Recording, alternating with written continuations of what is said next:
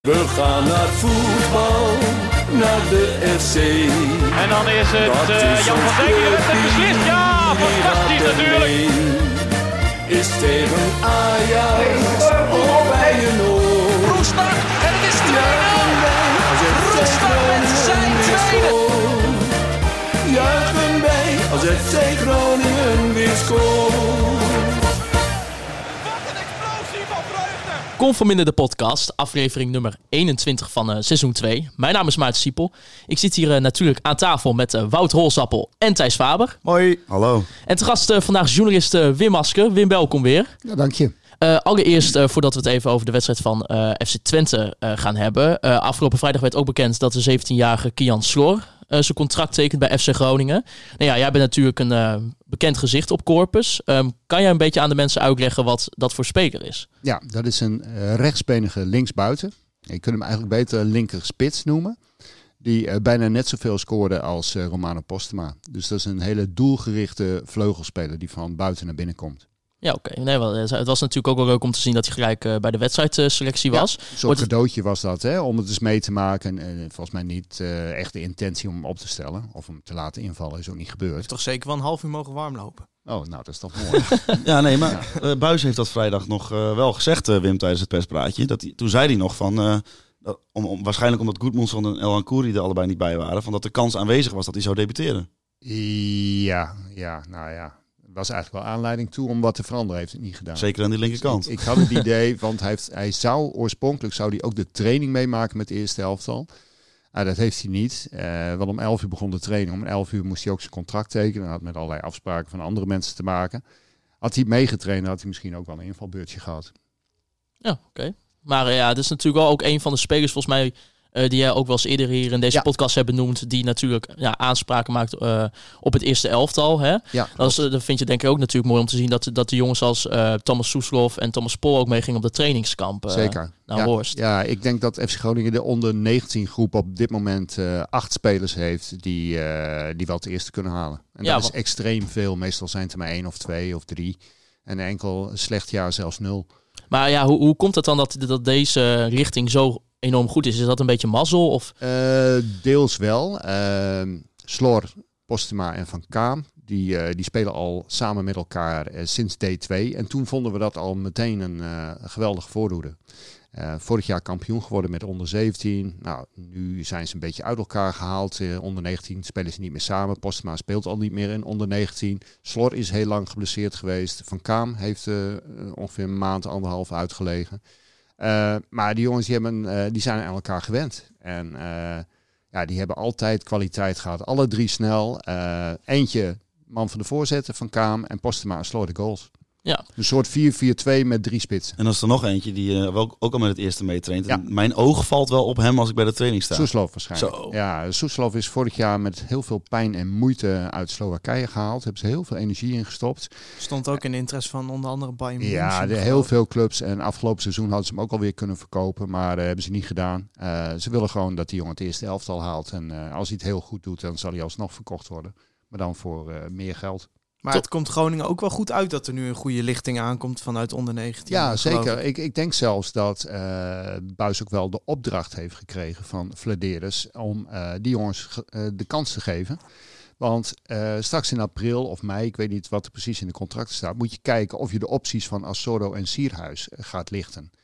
Uh, nou, op dit moment zou ik zeggen, er is niet heel veel aanleiding toe.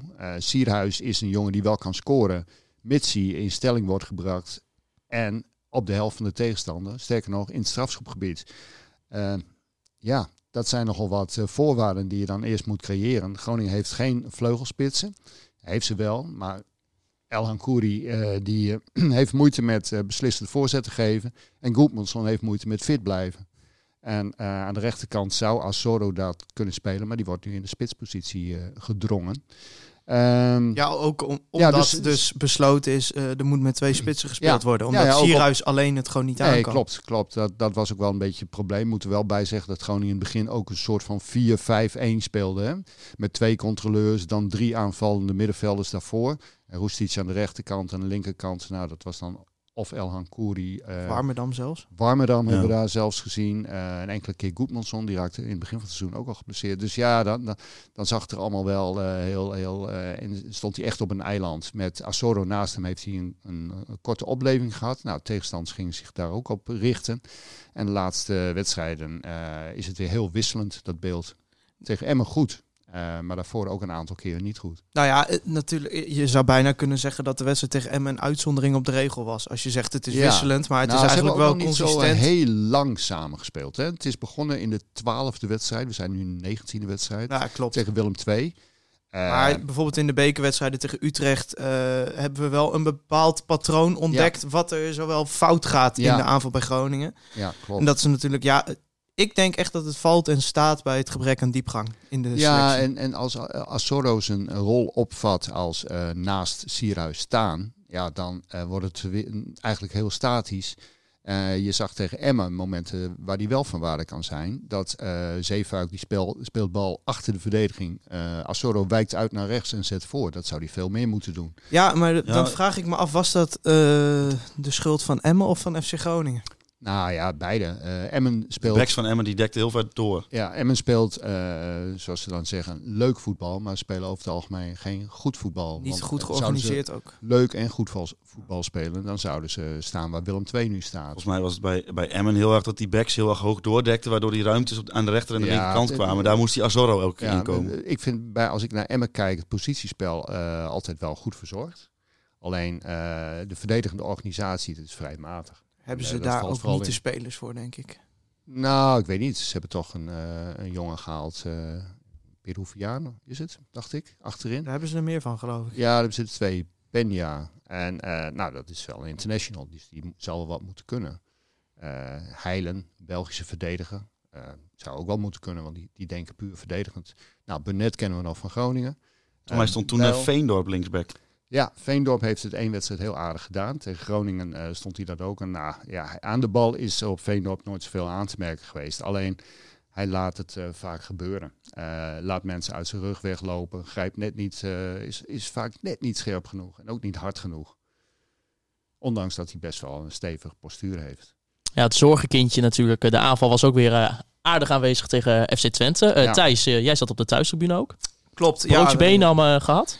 Ja, ja, er moest wel iets van een lichtpuntje aan die avond zitten natuurlijk. Hè? Dus uh, ja, het broodje benen was weer uh, fenomenaal. Ja, Ik, ik, ik snap echt niet dat wij wekelijks die gore snacks bij ons zitten te vreten. als je ook zo iets als het broodje benen als bij Twente. Ja, Zoiets moet toch hier ook te doen kunnen zijn? Ja, maar, je zei wel het enige lichtpuntje, want uh, ja, ja ik, nou, ik heb het, zitten terugkijken. Als ik dit vooraf had geweten, was ik er niet twee keer twee uur voor in de auto gaan zitten. Nee. Maar, uh, Thijs, we hebben de, een nieuwjaarspeech gehoord van uh, Wouter Gudde. Die wil supporters oproepen om een eigen identiteit op een, op een eigen tribune te creëren. Dus misschien moeten we maar iets meer zeuren bij Gudde, als jij dat zo graag wil, voor het broodje Benam bij FC Groningen. Of iets anders wat je lekker Het hoeft niet per se het broodje Benam te zijn, maar het moet wel iets anders dan wat er nu is, zeg maar.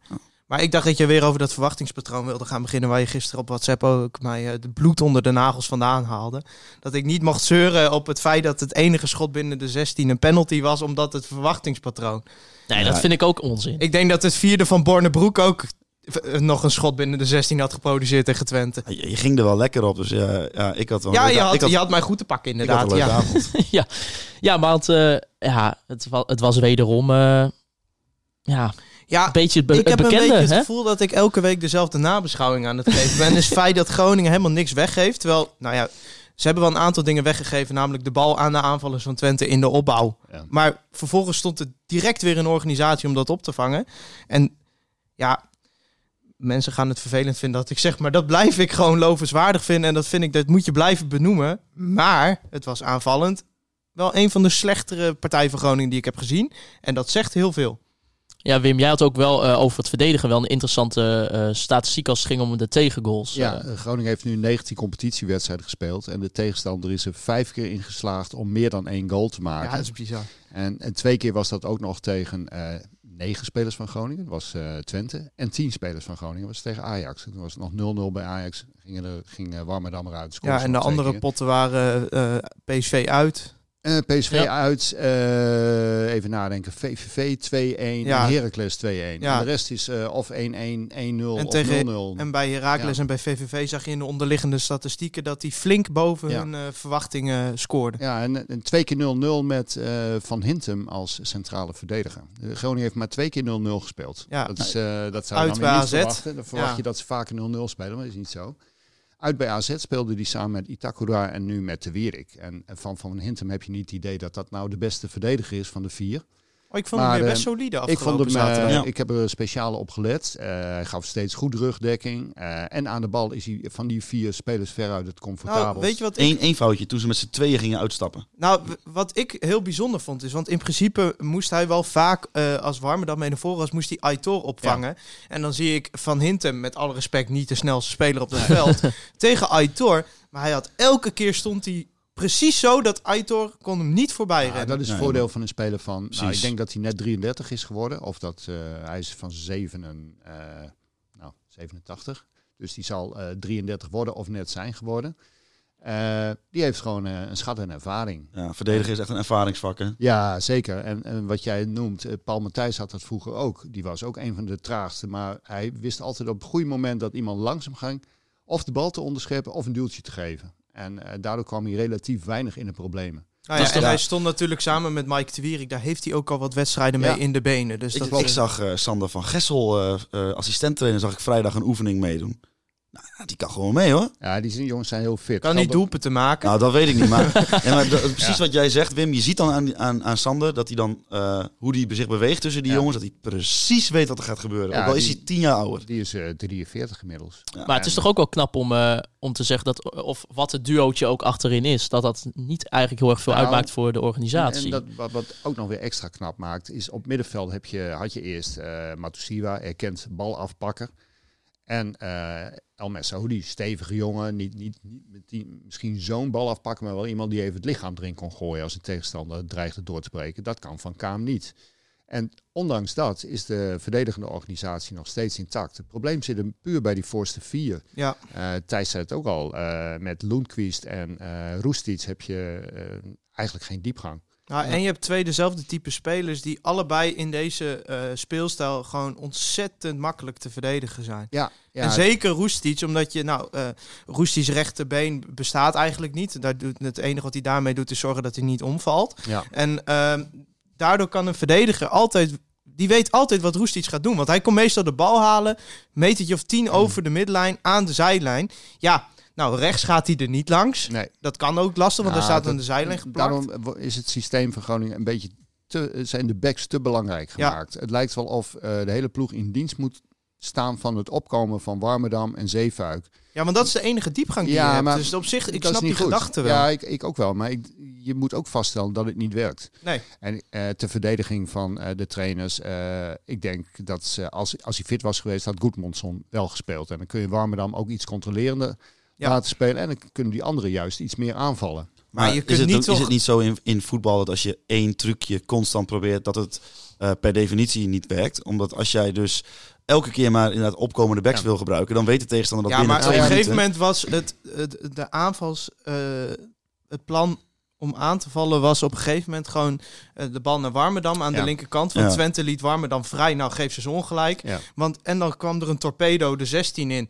Die werd makkelijk weggekopt door die twee centralen van Twente. Want Sierhuis gaat natuurlijk geen kopduel winnen. Assoro kan er gewoon een kopduel winnen. Maar dat is ook niet houdbaar, zo'n speelstijl. Ja, dan ziet het er vrij pathetisch uit Nou, ik- allemaal. Ja, ik denk dat Wa- Warmerdam eh, v- vaak probeerde om via het centrum zeg maar, een combinatie te starten om dan vervolgens zeg maar, echt op de brommen te gaan. Als hij de bal aan de linkerkant kreeg, maar dat lukte gewoon Ja, maar niet. wie komt er bijvoorbeeld ehm, in deze speelstijl in de as onder de spitsen? Niemand, want Nou, Roestic blijft aan de zijlijn geplakt. Wat Lundqvist aan het doen was, dat weet hij zelf denk ik ook niet afgelopen zaterdag. Ja, dan, dan wil je door de as voetballen. Dan doe je het niet. Ja, dan gaan ze naar de backs en dan komt er zo'n zo'n nou ja, lawinepel voor het doel en daar gebeurt niks mee. Volgens mij, ik heb, Het ja, is één keer gelukt om er door de as doorheen te komen. Ja, dan krijg je een penalty en Maar- dan schiet je hem zo in. Ja, Ik- dan krijg je zo'n wedstrijd. ik, ik weet niet hoor, maar ik heb volgens mij niet per se bovengemiddeld veel voorzetten gezien. Nee. Want wat volgens mij heel, ja, die U, de U is, het was een U-wedstrijd toch? Ja. Ja, maar als er iets gebeurde, dan was het zo'n lawinepel voor het doel. Ja, nee, dat- kun je Maar- geen voorzet noemen. Nee. Gewoon een ja, diagonale bal. Volgens mij heeft Zeefuik er ook nog twee, de tweede ring Wat- in geschoten Wat meer, het geluk, wat meer het geluk zoek- zoeken noemde Ja, Danny Buis dat eh, afgelopen ziet, vrijdag. Je ziet dat opkomende backs eh, vooral effectief zijn eh, bij ploegen waar een hele goede samenwerking is tussen eh, de buitenste, eh, zeg maar de linksbinnen of de rechtsbinnen en de back. Eh, nou, Liverpool is natuurlijk, misschien moet je daar niet aan spiegelen. dat, is, dat, is, eh, dat is een heel goed voorbeeld. Zou dat het beste van de wereld zijn momenteel? maar zelfs bij FC Groningen onder 19 zie je dat soort dingen veel beter ontwikkeld zijn. Dan De zie je Paul één na beste komen. ploeg op de wereld momenteel. Ja, ik denk het wel. dan zie je linksback Paul komen en dan eh, heb je eh eh, Slor en die geeft een man mee, zoals bij AZ, Idrissi en Wijndal, een, Ja. eh, een koppel vormen. Eh, aan de rechterkant zie je bij Groningen in de onder. Je hoeft dus helemaal niet ver naar huis. Je kunt gewoon naar je eigen onder 19 gaan kijken hoe doen we Eigenlijk dat. zouden ze verplicht Ja. moeten kijken. Ja, en daar, daar zie Nou, je wat, dat wel. wat AZ wel met die opkomende backs doet, is constant een overtalsituatie Ja. creëren. En dat krijgt Groningen met Roesties niet voor elkaar. Nee. Maar en met zo- Loentvist, ja, die, dat is ook gewoon geen linksbuiten. Want hij Nee, speelde praktisch als linksbuiten. dan, dan, dan vind ik Roesties nog, nog meer te verdedigen aan de rechterkant dan Loenquist op Ja, links. Want, absoluut. eh, ja, hij heeft je moet vind- iemand hebben met snelheid. En Ja. dat, de enige is Assoro, maar die staat in het centrum op een Ja. eilandje. Nou, je hebt wel nog wel meer mensen. eh, behalve Warmerdam. dan. eh, nee, nee, maar buiten de, de elf die er stonden, Goedmondsen hebben we het al een paar keer over gehad.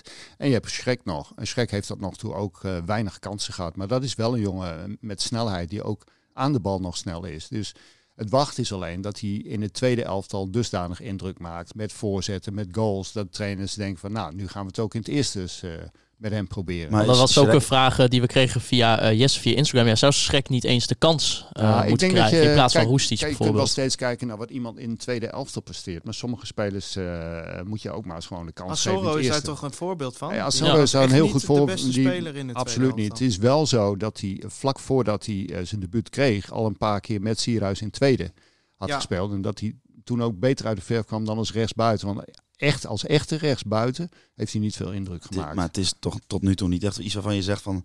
laten we hier eens op gaan verder bouwen naar de komende Nee, seizoenen. nou, nee, maar ik- ik, denk ook, zeg maar, eh, in zijn algemeenheid in deze discussie... je hebt volgens mij niet heel veel te verliezen... want heel veel slechter dan het huidige aanvalspel kan het ook niet. Nee, klopt. Ik, ik denk ook dat Groningen zo kijkt. Nou, we, we kijken het nog even aan met Assodo en Sierhuis. Misschien zijn er al wat beslissingen genomen intern. Hè? Dat, dat weten wij niet. Zij weten precies wat voor prijskaartjes te hangen aan Sierhuis en Assodo. En ze kijken of ze voor hetzelfde geld betere spelers kunnen Ja. halen. Ongeacht of ze nou tevreden zijn over die twee of niet. Is- Ik doe maar wat. Stel dat Assodo anderhalf miljoen moet kosten. Nou, dan moet voor dat geld moet toch wel iemand ja, te ja, halen en zijn ik die denk dat beter Assoro is. ook best nog wel een fors salaris heeft. Ja, dat mag je ze- zeker aannemen. Met in, Ja. in eh, Engeland Ja. natuurlijk. eh, En je kunt Ja. natuurlijk ook en weer- ik denk dat Sierhuis ook nog wel een fors salaris heeft. Wat, wat, wat ook nog wel meespeelt, denk ik, is je hebt gewoon alleen maar aanvallers die zich nog moeten bewijzen. Ja. Ja, hebt maar, geen ja, maar, aanvaller. maar, maar dat is een beetje makkelijk, omdat een bewezen aanvaller ga je als Groningen Nee. nooit kunnen betalen. Nee, dat weet ik. Maar nou ja, je Als- kunt, als dat is je niet helemaal waar. Je kunt de- natuurlijk iemand halen van een net een niveautje lager, die dus bij jou misschien wel dat, dat aan kan haken. En dan, Cachera bijvoorbeeld, die- vorig jaar. Hoezo dan? Ja, Nou, hoezo? Die heeft het toch ook nergens bewezen? Hoezo? Nee. Die schoot de hele Jupiler League overal. Nee, Ah, dat is niet waar. dat is ook niet waar. ja, nee. hoezo? Die had 17 goals of Ja, zo. nee, maar uit 80 kansen. Die Ja, ongelooflijk veel Je kansen. staat, je staat Ja. bij de, eh, je kunt een wedstrijd van Jong Ajax kijken. Die staat met 17 man in de 16. Ja. Er komt er een bal voor zijn poot. Ja, is dat spits? Weet gek dat hij af en toe scoort. Ik bedoel meer van, je hebt gewoon alleen maar spelers. Goedmondson heeft zich alleen in de tweede divisie van Zweden eh, bewezen. Elhan Kouri eh, komt van Feyenoord. Heeft bij Willem II een mooi half seizoentje Ja, gewoon een gehad. slecht seizoen.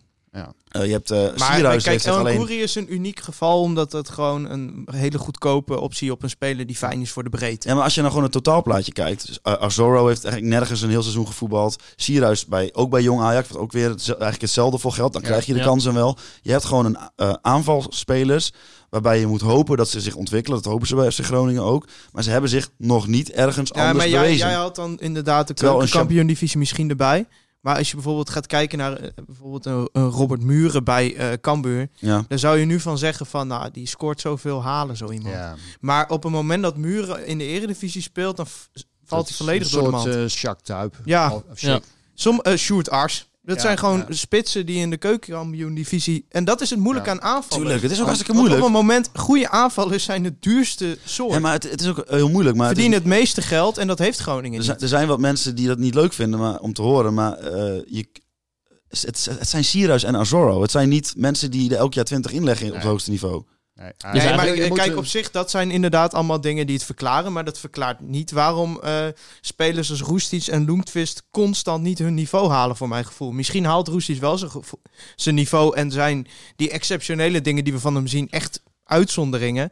Maar ik heb het gevoel dat het aanvallend nog niet werkt. Natuurlijk, er, is nog- dus er is nog veel meer voor te zeggen dan wat ik nu zeg. Maar ik probeer nu gewoon even een beeld te schetsen van hoe je er soms Ja, je hebt, gewoon een, je hebt gewoon een top eredivisie verdediging en gewoon een eh, eh, ja, kelder eredivisie aanval. Komen eigenlijk gewoon kwaliteitstekort. eh Ja, je je Ach, moet het voorin. in- inderdaad wel hebben eh, van jonge jongens. eh daar moet je, moet je een beetje meer mazzel mee hebben. Zoals eh, Willem II heeft toch een aantal aardige succesjes geboekt.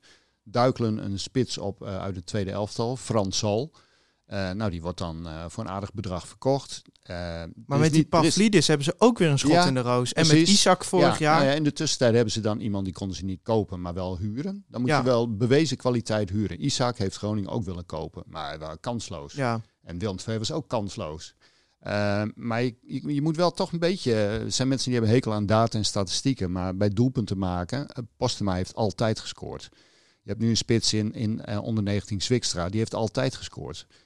Van Kaam heeft nooit gescoord. Zijn broertje heeft nooit gescoord. Die gaan niet ineens wel scoren. Sierhuis wel gescoord. Maar wat Wouter Is terecht daar ook een voorbeeld van eh, natuurlijk. ja, dat, eh, Wouter zegt terecht van Sierhuis, die heeft wel veel gescoord, maar wel bij Ajax. Ja. Dus wel bij een ploeg die ook, ook heel veel kansen bood. En bij Groningen krijgt hij soms maar twee kansen. En dan, ja, dan is hij ook verkrampt en dan zie je vaak dat hij wild schiet. Eh, ja, je moet toch gaan kijken naar eh, bewezen eh, killers. Eh, ja, anders wordt het hem niet. Nou ja, dat gaat in ieder geval deze winterstop niet meer komen, denk ik. Ik weet het niet. Mark-Jan Frederis, eh, ik zag op Instagram, die had in zijn Instagram-verhaal staan dat hij in het vliegtuig zat. Ja, was Je kon, je kon zelfs, je zou zelfs, ja, als je echt heel eh, geografisch, Hint eh, ja, het, was wel, het waren wel hints, Ja. maar ik, ik eh, kon heb er je daar een screenshot van genomen? Dan gaan we straks even analyseren. We hebben toch vakantie. Nou ja, je kunt twee dingen doen. Je kan kijken, we, we halen een betere spits dan Sierhuis Assoro. Je kunt ook kijken, eh, we halen een betere vleugelspeler. Ja. En, eh, of een speler met ja, diepgang. Dat ja. kan natuurlijk zowel een Ja, spits precies, als een ja. vleugelspeler Ja. zijn. Ja, maar in het systeem wat Groningen speelt, eh, als ze tenminste daaraan vasthouden, dan zijn die buitenste mensen, die moeten naar binnen komen. Ja. En dan, ja, dan lijkt het mij al dat er geen diepgang eh, eh, Nee. gevraagd wordt. Ik denk dat je misschien iets anders moet gaan spelen en die buitenste mensen eh, niet moet laten wachten op die backs, maar laat die buitenste mensen ook maar eens eh, buiten omgaan. Laat ze het Ja, met vooral, Schrek en laat ze het met vooral afwisselen, zodat er een enige Ja, vorm van verrassing in zit. Ja, het voorbeeld, nou ja, AZ weer met Svensson en Stenks aan de rechterkant, Idrissi en Wijndal aan de linkerkant.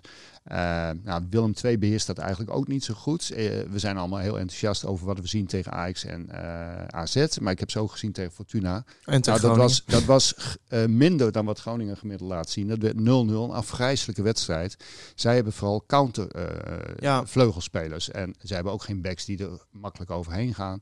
Maar wat Dus, ik me bij ja. Willem II altijd afvraag. Willem II heeft een lager of een vergelijkbaar Ja. budget bij. Waarom krijgen, en dat geldt ook voor een Heracles, die ploeg het wel voor elkaar om aanvallers aan te trekken die het wel in zich hebben? Ja, nou, dat, dat, eh, ik denk dat Groningen hetzelfde kan als Willem II en Heracles. Alleen Ja. moet je wel de goede spelers halen. En moet je van tevoren, en dat is Vladeris maar waar zou dat dan bezig. aan liggen? Scouting en, eh, Een beetje geluk. en, en je moet ook eh, helderder gaan samenwerken met scouting.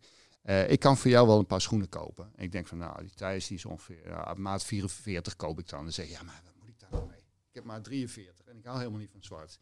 Het is wel handig als de trainer en de scouts en, en de technisch manager van tevoren zeggen, nou, dit is hoe wij willen gaan voetballen.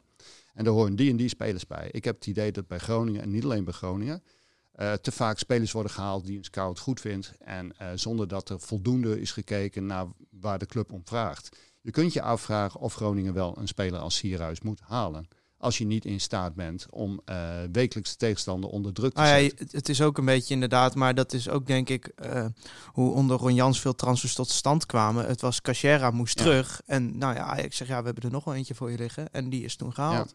Nou, toch weer even bij, eh, bij Postema terug te komen. FC Groningen speelde vorig jaar met onder 17, zette het eerste kwartier vol druk, scoorde vaak en hield het niet vol. Want het middenveld van, jong, van Groningen onder 17 was niet geweldig. Tegenstand had daar vaak betere spelers. Ook geen schande, want je speelt tegen Ajax, Feyenoord, PSV, AZ, noem maar allemaal op. En er werd Groningen teruggedrukt. Maar dat was geen probleem voor Postema, want dan kreeg hij ruimte. Dus hij was wel gevaarlijk als Groningen eh, de tegenstander onder druk zette. Maar ook als Groningen eh, terug moest hangen. Nou, dat bij Sierhuis Groningen zal hoe dan ook, eh, je kunt wel van alles eh, roepen over de club, maar het zal nooit in staat zijn om elke tegenstander eh, met de rug tegen de muur te zetten. Dat gaat nooit lukken. Nee. En ik blijf, ik blijf er over Sierhuis Dus ook bij van... eh, het, is, het is je eerste spits, maar hij speelt nooit 90 minuten. Of hij kan Nou, nooit ik 90 zei minuten volgens mij, even de vraag. Ik, Ja, eh, ik ja. was eh, bij Twente met vriend van de show Klaas-Jan Terveen. En ik zei volgens mij, na een uur tegen hem, toen was aan het druk zetten. Ik zeg, ja, die is, die is gewoon kapot. Die Ja, moet je hij eraf doet ook halen. geweldig zijn best. Hè. Hij loopt ook zwaar. Hè. Nee. Hij heeft geen soepele loop. Nee. Dus, eh, ja. Dan, die Pavlidis en Isaac en Sal, die zijn ook snel. Dus kom je in de verdrukking, dan kun je, al- ben je altijd nog van waar. Ja, dat zijn natuurlijk gewoon exceptionele spelers. Ja, En maar- weet maar- je, vroeger was Groningen wel een beetje... Nou, vroeger... Exceptioneel op een bepaald niveau op een natuurlijk. bepaald niveau, ja. Ja, maar waarom eh, krijgen wij het sinds eigenlijk sinds Tim Matafs al niet meer voor elkaar Ja, dat- om goede aanvallers te halen? Ik, herinner me eigenlijk van, daar heb ik toevallig ook over nagedacht. Dat is al, eh, heb je het over het seizoen 2011, dus al acht jaar. ja, hebben in dat de is een spitsenkerkhof is De Groningen. eigen opgeleide Zivkovic was een goede spits. Die werd helaas veel te vroeg weggehaald. Ja, Het Die had, hier, die had hier nog twee jaar moeten spelen. Ook nog naar een verkeerde team, denk Ook ik. nog naar een maar daar heb je wel een dikke klap geld Ja, maar, kijk, maar dat was nou precies een speler die bij Groningen past. Een club die niet in staat is om elke tegenstander... kan het publiek wel heel hard roepen dat je we moeten aanvallend voetballen. Maar dat kun je gewoon niet. Ja, Met- toen met Kostic en Zivkovic had je inderdaad Twee wel... Als je die nu had gehad, Ja. Dan was je een gevaarlijke machine Ja, geweest precies. met de huidige met dit, defensie. Met dit systeem Ja. vraagt eigenlijk niet om eh Sierhuis, maar om twee supersnelle counterspitsen. En dan hoef je ook helemaal niet maar dat is ook, die, eh, dat is ook veel leuker om naar te kijken. Ja, nou ja, ook daarom al speel je Willem- dan op de Willem counter. II is in uitwedstrijden hartstikke leuk om naar te kijken. Met Keulen op links, Ja. met uh, Tresor achter Pavlidis. Pavlidis is snel en aan de rechterkant heb je Nunnely. Die zijn eh speersnel, dus dat is echt heel leuk om naar te kijken. Gewoon weer, weer de verkeerde van Ajax gehuurd. Counter, counter, countervoetbal is niet die eh, Nunnely had, vervelend niet, hoor. die Nunnely had niet misstaan in Groningen, Maar bijvoorbeeld eh, eh, in de recente jaren, wanneer speelde Groningen nou echt goed? Dat was in die play-offs die we wonnen. Toen van, eerst van Ja. Vitesse en eerst van AZ.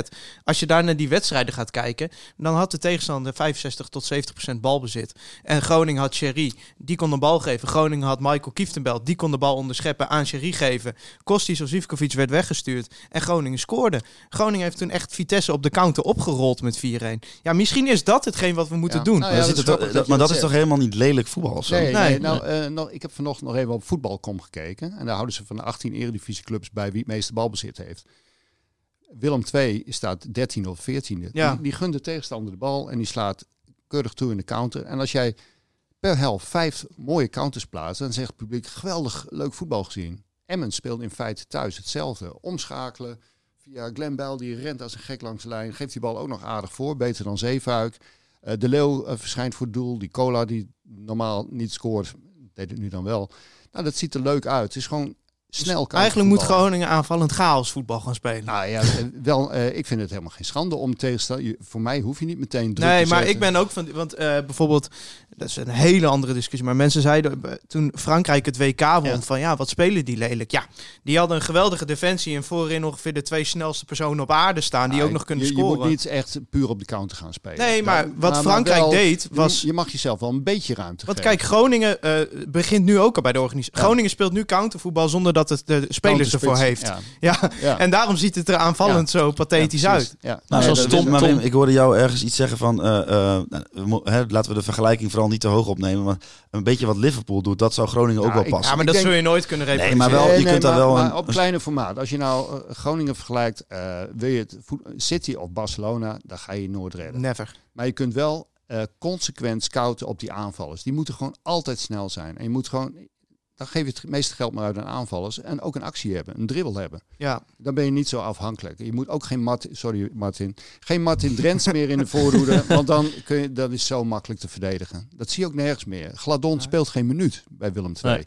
Nee. Terwijl hij bij ons eh schoot hij nog Ja, wel de hele dag erin. Pistolen paaltje. Ja, Ja, maar eh, we hadden natuurlijk ook over, over het huidige systeem. Eh, Ja. Tom vroeg via Instagram, ja, wordt het niet eens tijd dat Buis van een 4-4-2-formatie eh, af gaat stappen? Zou er eventueel weer naar een Ja, en toen we 4-3-3? 4 en toen we Ja, 4-3-3 speelden, precies. moesten we naar 4-4-2 Ja, je toe. moet ja. eerst kijken of je de spelers ervoor hebt. Die heb je dus niet voor 4-3-3. Eh, of je Nee. moet eh, genoeg nemen met Al- Elan Koeri op links. Ja, maar Ja, als je naar, weer- gaat kijken naar ja. het materiaal, moet je met alleen een verdediging en een middenveld spelen. Nou, 4-6-0. Ja, ja. Ja. dat bedoel Eh, ik. eh, lekker diepgang. 5-5-0 is nog beter dan. Dan moet uh, Semis, Dan kan uh, eindelijk met er ook achterin. Nou, we Nee, zijn maar- eruit. We zijn eruit. 5-5-0. Alle wedstrijden 0-0 spelen ermee ook veilig. Heerlijk. dan kom ik toch weer terug bij dat onder 19, waarvan ik vind dat Groningen echt eh, belachelijk veel eh, talent heeft. Dat speelde vorig jaar met vier aanvallers. Eh, nou, de genoemde van Kaam als de, de ren, roadrunner op rechts. Heb je helemaal geen opkomende rechtsback nodig. Eh, aan de linkerkant had je een, eh, een spits die naar binnen trok, doelgericht was en een opkomende back. En een spits. En daarachter dan Soeslof met zijn dribbeltjes. Nou, dat, dat moet je volgens mij ook eh, met het eerste proberen te realiseren. Dat soort voetballers. Snelheid.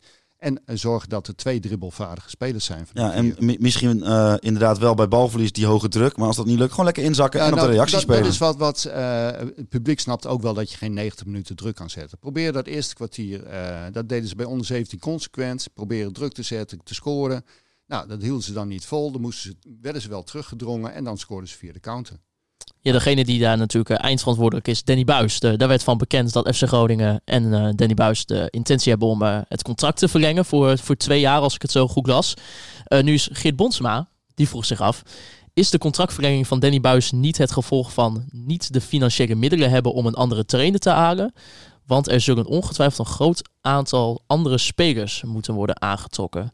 Denk je dat het financiële eh, invloed heeft op de contractverlenging van Danny Buis? Nee, nee, denk het niet. Nee. Zou het Komt niet, wel- het komt zou wel goed niet uit. kunnen verklaren, omdat je, eh, volgens mij heb ik dit vrijdag gezegd, dat als je een externe trainer moet halen, dat dat ook meer geld kost? Nou, ik denk dat eh, Danny zal niet de duurste zijn. Maar een, een organisatie gaat niet zijn belangrijkste eh, werknemer, daar ga je niet op bezuinigen. Want Nee, het is wel is je belangrijkste technische man. Ik denk dat ze gewoon tot de conclusie zijn gekomen. eh Buis heeft eh, een aantal fouten gemaakt. Maar we hebben ook gezien dat hij daarvan geleerd heeft. En we hebben ook zelf vastgesteld dat het aantal spelers gewoon niet goed genoeg is voor het niveau. En eh, we hebben geld, eh, want er komt straks nog een tranche van die Doan. Dus ik denk dat ze dat wel voor een deel gaan investeren in de verdediging. Want daar moet je ook wat eh gaten nou, er vullen. moet eigenlijk een hele nieuwe Ja. verdediging komen. Ja, daar, daar hebben ze in augustus vertelden ze dat al. Ja. We gaan ervan uit dat na dit seizoen Zeefuik eh, en Memisevic vertrekken. Uh, Memisevic kan voor acht ton weg.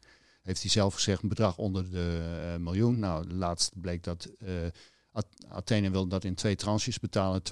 200.000 euro eh, huur nu en 600.000 eh, nabetalen. Nou, daar ging Groningen niet mee akkoord Nee, dat natuurlijk. snap ik wel. Dus die twee, die uh, Zeefuiken en Misfiet ben je kwijt. Warmerdam had meteen al gezegd van, want die hebben ze vorig jaar al gevraagd, uh, we willen verlengen. Nee, ik wil niet verlengen, dus dat stond al bekend. Vond iedereen heel raar dat, uh, dat hij op het laatste moment dan toch uh, nog mocht spelen. Nou, dat vond ik eigenlijk heel logisch. Hij, hij, hij ging niet weg. Hij is wel de beste linksback, dus kreeg hij gewoon zijn plaats weer terug. Dat was helemaal niet zo vreemd als mensen dat Nee, uh, het is een beetje korte termijn Ja, ze wilden hem eigenlijk verkopen voor een aardig bedrag. En uh, dus dan zou je verder moeten met Absalem of Van Hintem.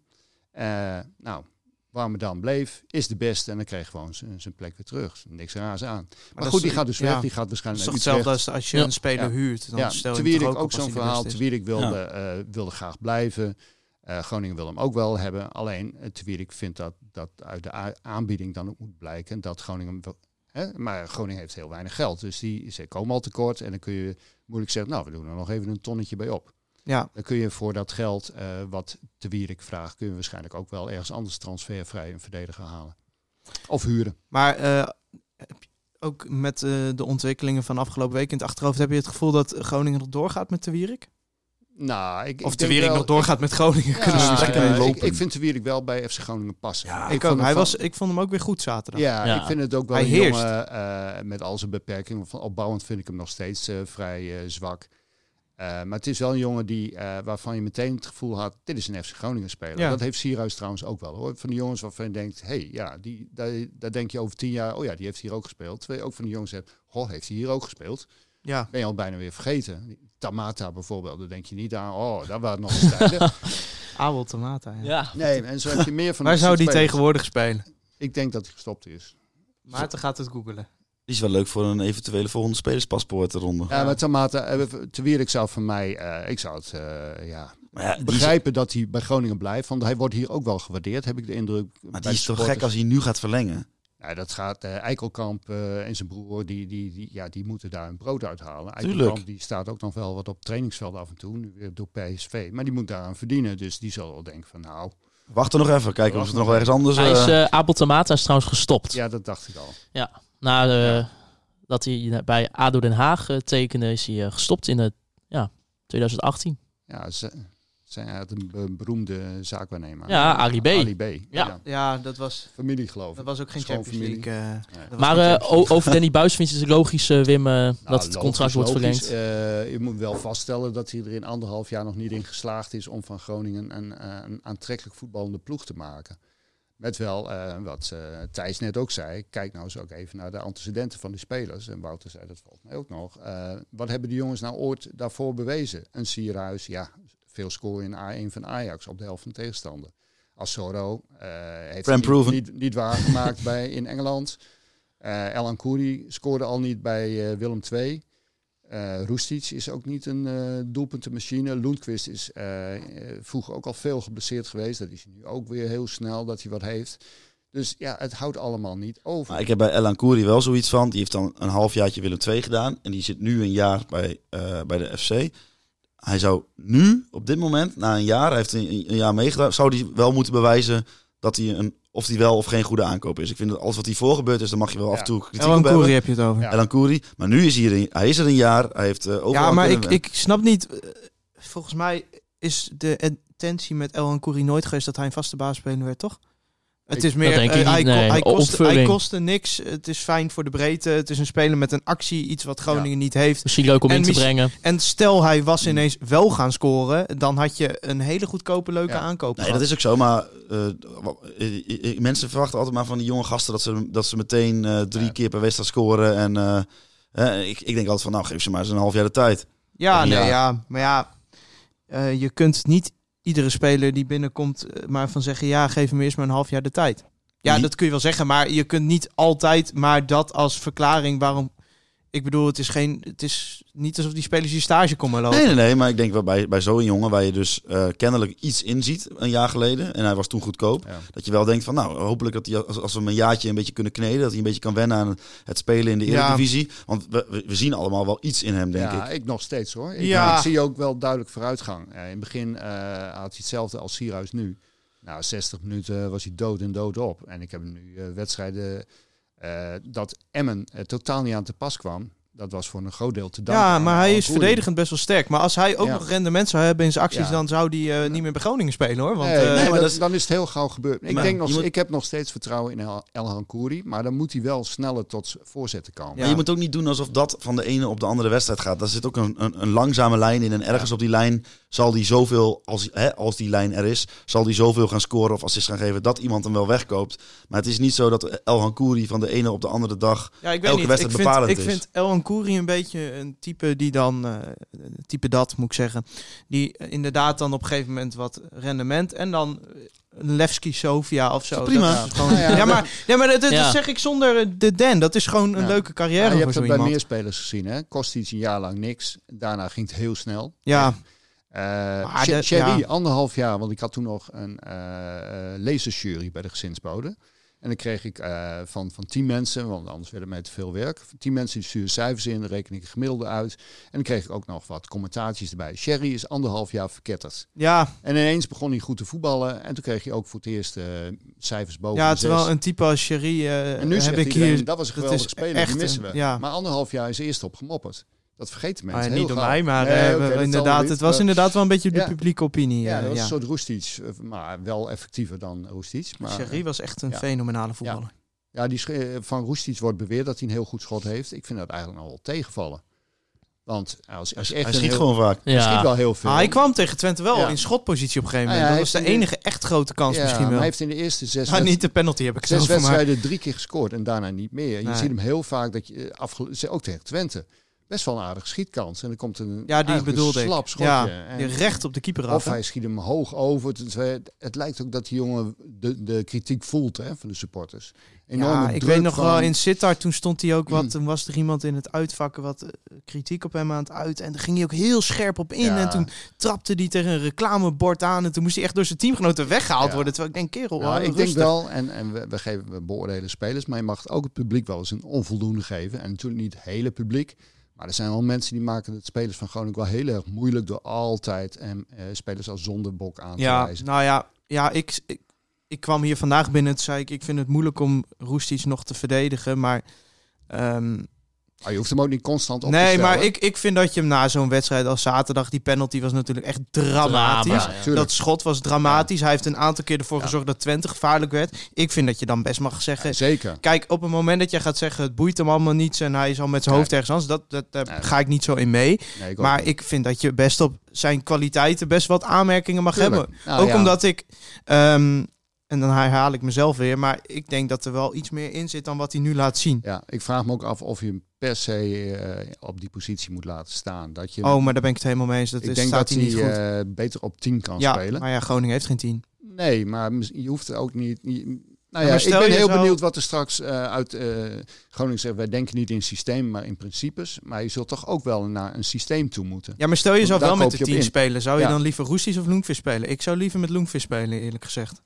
Nou, die moet het dan onderling uitvechten. Ik denk dat Loenquist eh, net even iets eh, zakelijker is. En meer creat- wat, wat, ja, wat eh, sneller handelt. echt meer Ja. rendement ook Ja. heeft, meer creëert. Roesties is dan misschien wel... je ziet bij een vaak, spelen. eh, omdat hij nogal lange passen heeft, eh, de handeling aankomen. Je ziet Ja. al wat hij gaat doen. Hij gaat zo schieten. Nou, dan kun je blokken, dan kun je... Ja, en hij doen. Kan nooit Loen- iets met rechts doen. Nee. Hij nee, kan nooit nee. kappen naar zijn rechter en hem meegeven aan Nee. Zeefuik. Ja, dus het zijn van die spelers waarbij je altijd een soort afweging maakt van... eh, neem ik genoegen met de eh, frustratiemomentjes? Ja. Maar dan heb je altijd... Die andere momentjes heb je nodig. Hè? Die afstandsschoten die erin vliegen. Die briljante passes die aankomen. Ja, die, die Corners flankwisselingen die zijn die- wel geweldig. Corners die die strak Ja. voorgeeft. Kijk, dat moet, eh, een, een- daar, daar moet een bepaalde balans in zijn bij zulke spelers. Want, ja. want ja, maar er zijn gaat- ook genoeg corners van hem die de je- eerste paal niet halen. Hij lijkt mij wel zo'n speler eh, die net als Surloot bij een andere club... ja, maar eh, dat, dat, want dat zeg ik ook dat, altijd. dat ja. hij dan wel gaat. En dan zegt iedereen, ja, hoe hebben ze die nu kunnen laten gaan? Of had altijd al op 10 moeten spelen. Eh, want ik zie wel voldoende dingen die de trainers kennelijk eh, steeds in hem zien. Alleen wij hebben zoiets zo langzamerhand als eh, toeschouwers vanaf de zijlijn. Van, maar ik het is vind nu hem- wel even genoeg. Hij mag nu wel eens een keer zeg maar, voor een team eh, vind ik het gewoon... Ik vind als je een team bent, dan moet je in ieder geval met je verkeerde been een paas kunnen Ja. geven. En dat zie ik hem gewoon niet Nee. doen. Nee. Dus dat is voor mij al iets waarvan ik zeg, ja, zou ik hem op 10 zetten? Ja, nee, ook niet. Maar wat is het dan Ja. wel? Nou Ja. ja, je zou eh, ook... eh, Maar ik denk dat hij in een dominantere ploeg en waar hij echt tot zijn recht kan komen, dan dat is anders. Ja, het, het blijft de vraag. En dit, dit is typisch zo'n twijfelgeval. Iedereen ziet dat hij wel wat kan. Dat hij een, eh nou, wat Wout zegt, zijn voorzetten en corners zijn soms eh, fenomenaal goed. Groningen heeft dan de pech dat daar een Sierhuis in de spits staat. Dat die verdedigers te Wierik, die zie ik zelden. eh, Nou ja, corners is gewoon op te trainen, maar dat gebeurt Ja. volgens mij gewoon niet. ja, daar trainen ze wel op. Alleen eh, tegen eh, hun eigen teamgenoten. Ja. Niet tegen Twente, niet tegen AZ. Dus, nee, ja. Ja, dat is ook. je, je kunt eindeloos trainen met je eigen spelers, maar je traint niet tegen de tegenpartij. Nee, maar je, je- het is toch aantoonbaar dat bijvoorbeeld Engeland op het WK deed dat heel goed. Die hadden gewoon een ingestudeerde, zo'n treintje. Ja, dat was niet te Ja, verdedigen. klopt. Nou ja, Groningen wint na eh, Sparta, meen ik, de meeste kopduels in de Eredivisie. Ja. Alleen, dat is verdedigend koppen. Dat is wel weer wat anders. Wij hebben afgelopen vrijdag het ook al een beetje over de eerste selectie gehad. eh, in aanloop naar de, ja, eigenlijk naar de zomer. Hè. We, we noemden ook, het was ook de titel van de podcast eh, van Mark-Jan Verdeers. Krijgt een hele drukke zomer. Eh, nu hebben wij een vraag binnengekregen van eh Elastieke Henkie. Oh, oh, jij hebt iets al voorbereid, hè? Ja, want eh, we hebben tegenwoordig, ja, we hebben besloten op het moment dat Elastieke Henkie een vraag stelt. Want die stuurt altijd met, ja, met prachtige woorden en zinnen. dan zit er een, een jingletje bij. Dus eh, ja, ik zal hem even voorlezen. Dag jongens. Hoe is het mogelijk, hè? De laatste acht jaar zijn we niet in staat om structureel vloeiend aanvalspel op de mat te leggen.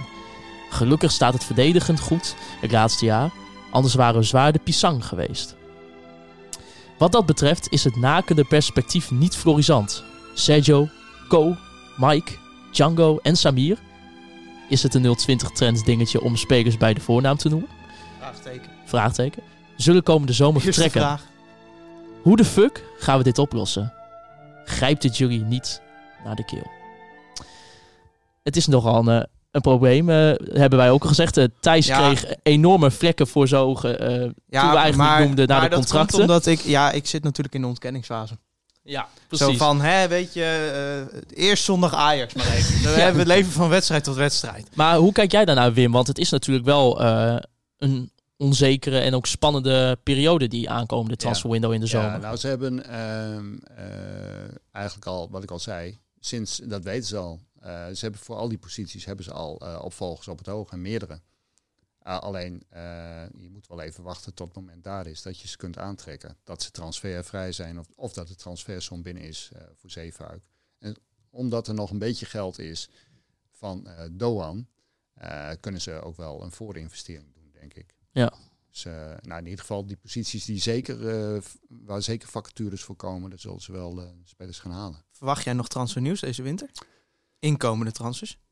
Of uitkomende misschien ook al. Ja, je weet niet wat, wat Athene doet, hè? Ik, eh, eh, ja, ik Maar heb mogen die begrepen- überhaupt een speler kopen? Ja, maar goed, ze kunnen natuurlijk ook eh, als een bankgarantie afgeven.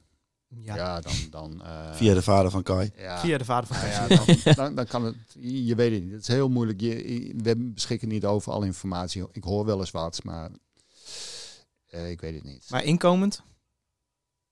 Inkomend verwacht het eigenlijk niet. Alleen maar als er wat weggaat. Wat saai eigenlijk, hè, vergeleken Ja. met, eh, met Ja. vorig Ja, jaar. vorig ik- jaar ik, kan me wel wij, voorstellen ja. dat ze misschien toch eh, eh, nog een aanvaller proberen te halen. Een vleugel aanvallen. Maar eh, verder kan me niet voorstellen. Ik denk niet dat er nog een middenvelder bij komt. Want Groningen Nee. stikt al in de middenvelders. Tom van der Looy die krijgt straks ook weer terug. Want die zit bij eh, NEC op de bank. Eh, ja, je hebt er al zeven. En al die jongens hebben doorlopende contracten. Van Kaam gaat binnenkort tekenen. Of die heeft al getekend, dat weet ik niet. Dus je hebt zeven man en er komt Van der Looy nog bij. Dus ik denk niet dat er ruimte is voor nog een middenvelder. Ja, en Django die vertrekt ook pas in de zomer. Bre- eh, ik- Ja, liet wel een beetje blijken uit het interview, vond ik, dat hij eh, het liefst zo snel mogelijk naar Utrecht gaat. Nou ja, ik, ik- kan me voorstellen eh, dat als Django gaat, dat ze toch nog wel iemand gaan halen. En dat Absalem dan eh, weggaat naar eh, Almere, Almere, City. ja. Maar die is nu geblesseerd. Dus, eh, Ja. Nou ja, dan eh, maar naar aanstaande zondag. Je- Wouter. Wat zit je mij aan te kijken? Ah, FC Groningen Ajax, hè? Dat Hij is noemt toch, je ook eh, ineens bij je voornaam. ja, Ja, FC Groningen Ajax. Ehm, Ajax staat natuurlijk eh, op de eerste plaats in de Eredivisie. Landskampioen. eh, won afgelopen eh, weekend eh, in twee, met 2-1 in eigen huis van Sparta Rotterdam. Ehm, zeker. jij hebt dat zitten kijken, Hols. Eh, deels. Ik was bij de verjaardag van mijn eh, zus. En eh, ehm, ik kreeg heel veel kritiek van mijn andere zussen. Dat ik in de hoek van de kamer op een telefoon aan het kijken was. En dat ik niet gezellig Ja, aan maar het doen normaal was. kijk je gewoon op teletext, toch? Wat het is geworden. Ja, zeker. 819 toch? Of 818? Dat weet jij als de beste. 818 is eh de tussen. Ja. Als, eh, als eh, ja. Nee, ik heb, wel, eh, het, ik heb wel grote delen gezien. Maar ja, wat, wil je- ja, wat moet ik ervan zeggen? Je weet, we- Maken we- wij kans? We weten toch wat voor wedstrijd dit gaat worden? Ja. Dit wordt weer zo'n wedstrijd waarbij het eh, in de 80ste, tussen de 80ste en de 90ste minuut eh 1-0 voor Ajax wordt. En waarschijnlijk een onterechte rode kaart voor FC Groningen. Waardoor de, Nou, ik kan mij al zo verheugen, want eh dat is altijd mooi op Twitter kijken. Normaal eh, op Twitter kijkt niet iedereen naar wedstrijden van FC Groningen. Maar op het moment dat Groningen tegen Ajax speelt, dan kijkt natuurlijk heel veel mensen kijken. Naar- ja.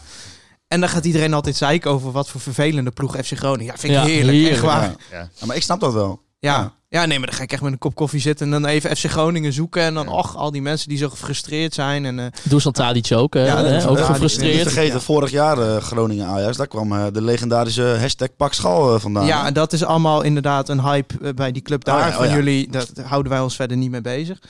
Dat het item de oog is gemaakt, maakt dan ook verder niet uit. Maar eh, nee.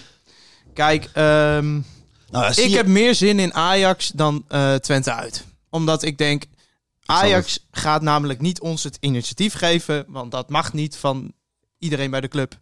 Want Ajax moet altijd dominant zijn en weet ik Mhm. allemaal niet. En dat ligt Groningen wel. Dus op een moment dat ik denk dat Assoro of nou, misschien zelfs Sierhuis wel een goede dag heeft, dan denk ik dat je nog best wel kans maakt. Kijk, laat, eh, laat en ik- speelt Ziyech trouwens. Ik zie jou Nou ja, dat, dat, ik zit inderdaad even te zoeken. Hij had natuurlijk een blessure aan zijn kuit. Ehm, maar ja, volgens mij is dat nog niet helemaal duidelijk eh, of dat dat nou zou is. Wel het zou een slokje zijn. op een borreltje schelen. Hè? Zeker, Nou, het Nee, maar- dat, dat blind niet meedoet. En Blind doet inderdaad niet mee. klopt. Maar eh, laat ik even ehm, eh, mijn perspectief eh, even delen. Dat vinden wij helemaal niet Nee, interessant. dat maar vind ik zeker niet. Maar, eh, ik wel.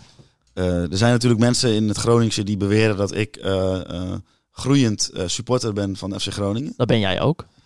Ja, dat is aan alles te zien. Laat ik even in het midden. Maar, Had jij niet een of ander lidmaatschap opgezet ja, laatst? ja, klopt. Ja, goed. Maar daar gaan we het ook niet over hebben. Maar, maar eh, Ajax best... Waarvan had je dat lidmaatschap? Ik vraag even door. Ik vind dat je nog niet helemaal eh, concreet bent in je Je antwoord. moet even open zijn naar de luisteraars. Eh, maar, maar er was zo'n organisatie die stuurde mij elke week zo'n krantje. Ik werd er helemaal gek van. Ik had echt wel bergen van die krantjes liggen. Zo'n supporterskrantje. Ik vond het helemaal, was helemaal klaar. mee. Van FC Groningen supportskrantje? Of, eh? Nee, nee. nee, oh, oh. Van Ajax. Oh, en, dat, Oké. en was dat de supportsvereniging, de grootste ook? Eh, ja, eh, En die heb je nu opgezegd. Ja, kom, En je bent nu nog wel lid van de supportsvereniging van FC Groningen. eh, ja, En, En jij- je bent vaker op Noord geweest dan in de arena dit seizoen. eh, überhaupt denk En je ik. gaat binnenkort een clubkaart kopen om mee te gaan naar de uitwedstrijden van FC Groningen. Ja, anders moet ik dat allemaal via via regelen en zo. Dat is allemaal heel onhandig. Ja, eigenlijk, ja. eigenlijk best wel stoer, hè? Gewoon, je bent ook een Noorderling, toch? Nou, nee, ik ben uit oosten. Ja, ja. Hij had eigenlijk voor Pek Zwolle moeten zijn, maar Ja, maar ja, weet je, ik, heb wel, ik krijg dan wel eens mensen die zeggen van... Ja, maar dan kun je niet meer onafhankelijk verslag doen van FC Groningen. Dan vraag ik me echt af, wie zegt dat ik onafhankelijk verslag moet doen van FC Groningen? Ik weet niet of jullie dit weekend bij eh, Liverpool, Manchester United, daarop inhakend Gary Neville tegen Jamie Carragher hebben gezien. Ja, ik snap niet waarom dat in Nederland niet kan. Dat ik ben geen oud geweldig? speler, hè? dat begrijp je?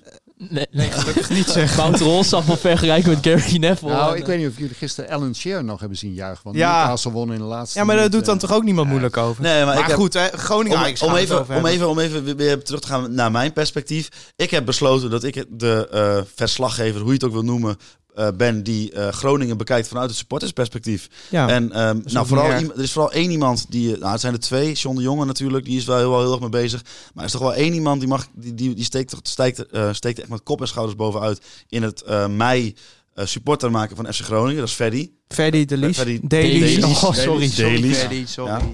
Nou, ja, die, die wil ook dat ik per se na de wedstrijd eh, eh, bier kom drinken in het, in het home. Ook al Ja. wordt er met 5-0 gewonnen of met 5-0 verloren, maakt hem niet uit. Gebeurt nooit. Nee, nee. Nee. nee, dat Nee, het wordt, het wordt 1-0, 0-0 of 0-1. Oh, oh. Maar ja, ik, ik kan zelf niet ontkennen dat eh, Ajax staat heel ver voor. Dus er gaat toch niks meer fout. Dat als in de laatste minuut eh, eh, Romano Postema de 1-1 of zo maakt, dan ben ik niet chagrijnig. Dan, vind ik dat, dat, dat zou ik, dan zou ik dat mooi vinden.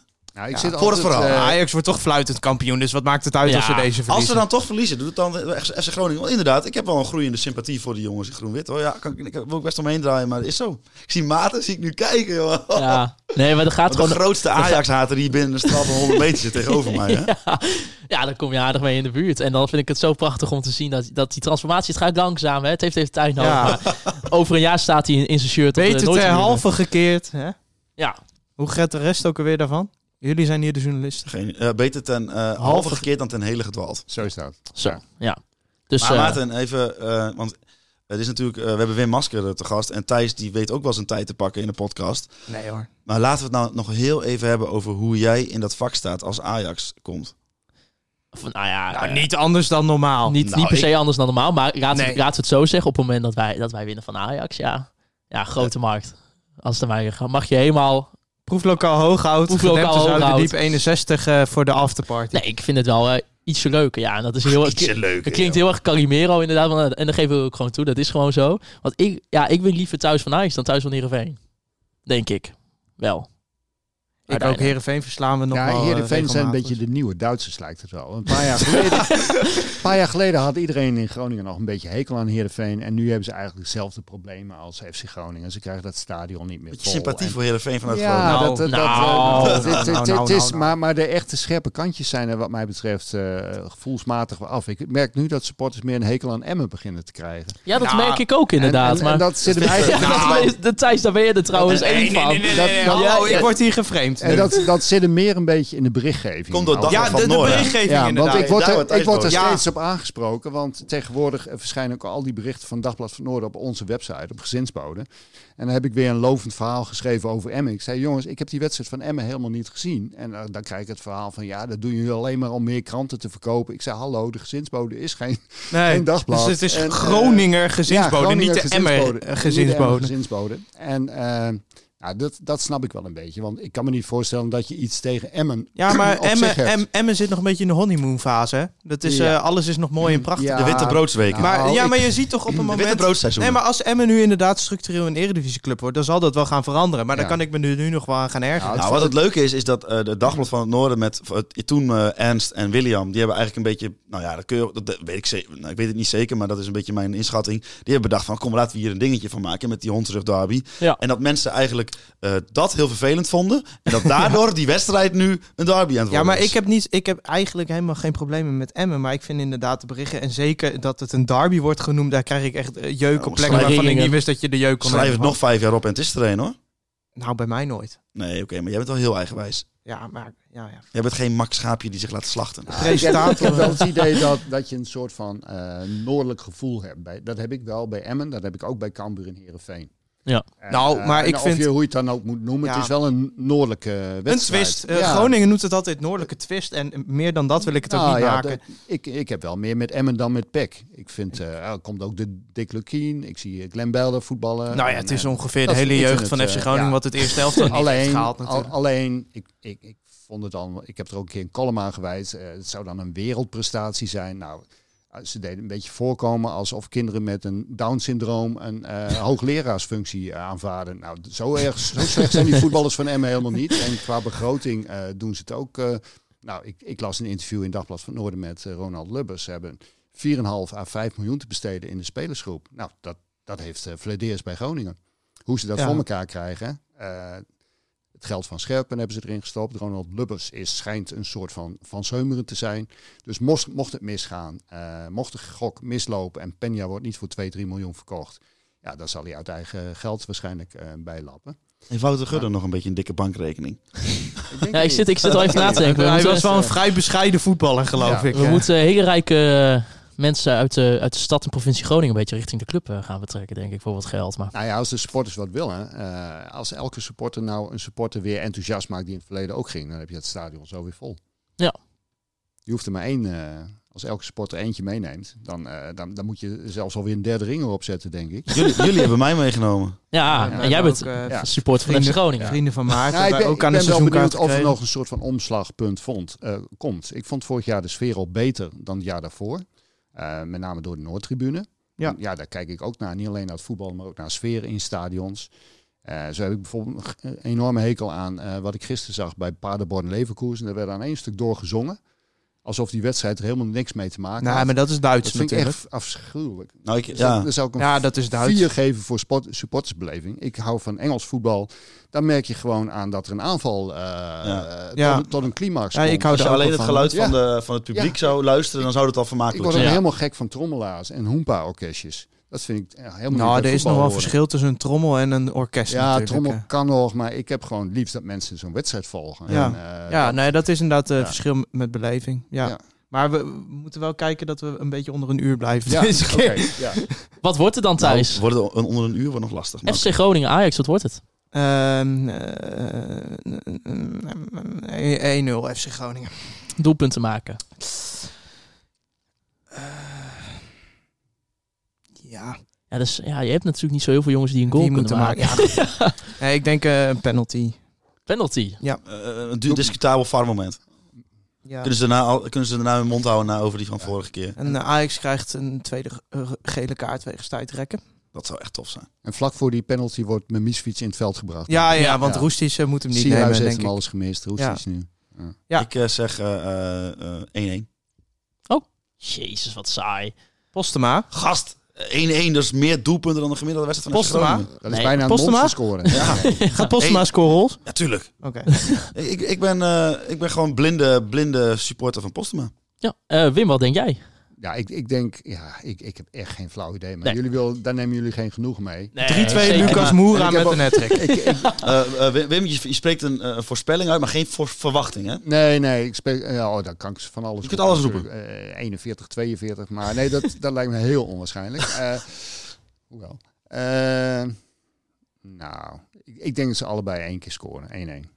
Hier, hier is aan deze, je kunt wel zien, aan, aan deze kant zitten de mannen met eh, verstand van zaken. Ja, gelukkig Ja, dan ga ik gewoon heel eh, tafelindeling gevoelig sentimenteel. Ik denk dat we hem gewoon gaan winnen. 1-0. eh, groot feest. En, eh, ja, ik heb er zin in. Ik, ik kijk er echt naar uit. Echt deze Ja, wedstrijd het is heb ook ik best wel interessant. Hoe Ja. doen ze dat zonder blind? Eh doet Ziyech niet mee? Nou, die hoe doen ze dat zonder blind? Daar hebben ze de ene Martinez staan. Die is bij- bijna net zo goed. Ja, maar opbouwend vind ik blind Het toch zou leuk zijn als Ajax denkt van wij gaan Groningen het initiatief geven. Ja, dat zou hilarisch Dat zijn. zou niet leuk zijn. Nou, nou, dat zeg je nou wel. Maar als Groningen goed druk zet op Martinez. En je zag toch dat eh, Ajax eh, best wel een beetje eh, in, in de war raakte toen Sparta goed druk zette op het laatst. Ja, Ja. met die Martinez hebben ze ook gewoon een tweede keeper erbij volgens mij. Nou. Ja, deed hij goed, hè? Zo. Ja, Ja, wel met Ja, zijn totaalvoetbal 2.0. ik zag het te spelen van Jong Almere City tegen ONS Snake ook doen, maar dat deed hij met zijn handen, zeg maar. Maar dat was ook mensen moeten dat opzoeken op, eh, volgens mij is dat het Twitter-account van een of ander dagblad hier uit de regio. Hey, maar we zijn eh, bijna bij het uur. We hebben nog twee dingen toch die je even moest eh, benoemen, Ja. toch? Ja, ja, de ene was natuurlijk eigenlijk een oproep voor een eh, inzamelingsactie. eh, voor eh, Pien van Roosmalen. Voor een eh, behandeling van, eh, ja, eigenlijk van de ziekte van Lyme in Amerika. Hols, jij weet er natuurlijk ook iets meer van. Want het verhaal kwam een beetje in de nieuws omdat eh, Danny Buis hier ook heel erg actief mee is eh, Nou, geweest. en de Pien heeft een vriend wat een eh, vrij goede vriend van ons is. Ja. Ja. Dat is. eh, Ja, en eh, eigenlijk hoe Danny Buis daar aan is gekomen, daar heb ik weer, hem- hebben wij weer helemaal niks mee te Nee. maken. Die is daar gewoon zelf in terecht gekomen. En ja, die heeft eigenlijk een soort van de belofte gedaan om eh, dat bedrag rond te krijgen. En ik denk dat Danny ook wel denkt van, ik ga niet eh, bij iedereen die ik tegenkom zelf de portemonnee trekken. Dus die maakt zich gewoon hard voor om het bekend te maken. En die wil gewoon, nou, als, hè, als iedereen 5 euro eh, inlegt bij wijze van, dan is het zo bij elkaar. Ja. Volgens mij En oh, dat ze gaat zitten over de 1000 ja, euro. heen 1000 alweer. euro eh 38. En het Dus eh, streefbedrag is, Is 2380 euro. Dus, ja, en eh, even om aan te geven dat het niet eh, zomaar eventjes bedel is. Ze, hebben, ze heeft zelf al eh, Vijf- 5000 euro bij elkaar geharkt met, eh, door zelf acties te doen. Dus eh, het is niet zo van eh, een, een lui iets van... eh, nee, en als je het ze verhaal hebben, leest, heel, is ze een, hebben echt eh, al heel veel gedaan om geld binnen te krijgen. En dit is echt een beetje, zeg Het is, maar... eh, het is een eh, jonge dame die door eh, de ziekte van Lyme eh, beïnvloedt haar leven enorm. En eh, antibiotica, dat kun je niet de rest van je leven slikken natuurlijk. Maar ja, op het moment dat zij stopt, dan is ze heel moe. En eh, nou ja, constant de- ziek. er is een eh, behandeling eh, vanuit Amerika. En nou, dat vergroot de kans enorm dat ze gewoon weer normaal kan leven. En eh, nou, Danny Buis heeft zich daarvoor ingezet. Volgens mij hebben we het al eerder over gehad. Dat is echt, Zeker. echt heel mooi. En eh, ja, nu moet het laatste deel bij elkaar. Dus ook vanuit ons weet je, als iedereen die hier naar luistert, gewoon als je het kan missen, 5 euro inleggen. En dan zitten we er zo aan. Ja, toch een tientje extra. Ja, Ja. Maar eh, ja, dat zal het. Ja, we gaan het ook natuurlijk gewoon in de show notes zetten. En Ja. via de socials eh, zal het ook onder ja eh, de link staat staan. dus in de show notes. Je kunt gewoon met bio's. eh, doneren. Twee, dan- twee biertjes, volgens mij is het minimum 5 euro. Dus nou ja, twee biertjes minder dit weekend. En dan. eh, En dan hadden we er nog een, hè? Die moesten... eh, ja, ja. dus we Thijs, ik, ik- dit is jouw ding, hè? ja, wij hebben 4 januari natuurlijk in eh proeflokaal Hooghout. Ah, was leuk. eh, de Conforminder de Ja. Pubcast georganiseerd. En eh, nou ja, we gaan niet eh, eh, op korte termijn weer een pubquiz organiseren, want dat is toch wel vrij veel werk. Maar we hadden het idee om één keer in de twee weken op vrijdag een vrijdagmiddagborrel te organiseren in de kroeg daar. Ik moet zeggen, wij zijn afgelopen vrijdag, waren we ook al met een groepje... Was echt gezellig. Het was echt gezellig. Daarna bij Eurosonic geweest, bij Waddaans. Ja, Dat zeker. was echt geweldig. Ja, was mooi. Ehm, maar toen zaten wij er ook. En eh, ja, ik ben wel overtuigd van dat recept. Een beetje eh, luisteraars, FC Groningen supporters bij elkaar brengen op eh, één keer in de twee weken op vrijdag. Eh, als je naar de Facebookpagina van Proeflokaal Hooghout, het linkje staat ook wel in de show notes denk ik. Daar is een evenement aangemaakt en dan eh, nou, laat weten of je gaat. En 7 februari is de eerste. En wij zullen er zijn. Zeker. Maarten niet. ik. Maarten niet. Nee, Ik dat zal was... er structureel niet bij Nee. zijn. Maarten werkt op vrijdag. Maarten Ja. werkt vrijdag, maar wij twee zijn er wel. Dus als jullie ons gezellig vinden, moet je maar komen voor een, voor een drankje. Ik ga, ik ga het ook niet uit dat ze voor ons gaan komen, maar oké. Nee, maar... We, brengen gewoon mensen bij elkaar. Nee, maar ik bedoel, die idee. borrel was echt heel gezellig 4 Ja. januari. En eh, ik, ik denk dat dat niet iets is wat één keer in het half jaar vanuit ons georganiseerd moet worden. Maar dat moet elke twee weken. En je hoeft echt niet elke keer te komen. Nee, hopelijk niet. want Nee. eh, Nee, maar kom nou gewoon eh, af en toe als je zin hebt. aftasten 7 februari. En waar was dat nou? Proeflokaal Hooghout. Oh, oké. Gedempte Zuiderdiep, nummertje 61. Nou, superleuk. Ja, eh volg Conforminder de podcast natuurlijk ook eh, via alle kanalen. Spotify, Apple Podcasts, Soundcloud. Eh, jullie kunnen mij op Twitter volgen. At, wow, Maarten, raagstreepje Siepel, at Thijs, raagstreepje Faber, at Holsappel en at Wim, raagstreepje Masker, denk ik. Ja. ja Met die nou, lage goed. streepjes hier. Ja, tien lage streepjes, hè. En dan eh, wil ik jullie natuurlijk eh, bedanken voor het luisteren naar Conforminder de podcast. Eh, misschien Wim nog even bedanken, jongens. Oh ja. Wim, bedankt Ja, voor je Wim, die heeft komst. grote- ja, Oog bedankt, hè. Oog bedankt. Eh, Voor deze, we zitten, jongens, even, we zitten met de set, hè? We zitten weer met de We zitten. Rodecaster Pro hier. Wat een set. Uh, Free Westhoff. Mark Perry. En eh, eh, wie heeft ook alweer de, ik noem het nu de elastieke Hanky, eh, of Henky Jingle. jingle. Oei, daar moeten we even op terugkomen Ah, dat is een of andere Italiaan, toch? Ja, ja, Ja, prachtig nummer. En eh, ja, dan wil ik jullie bedanken voor het luisteren naar Conforminder de podcast. Juichen wij als FC Groningen weer scoort.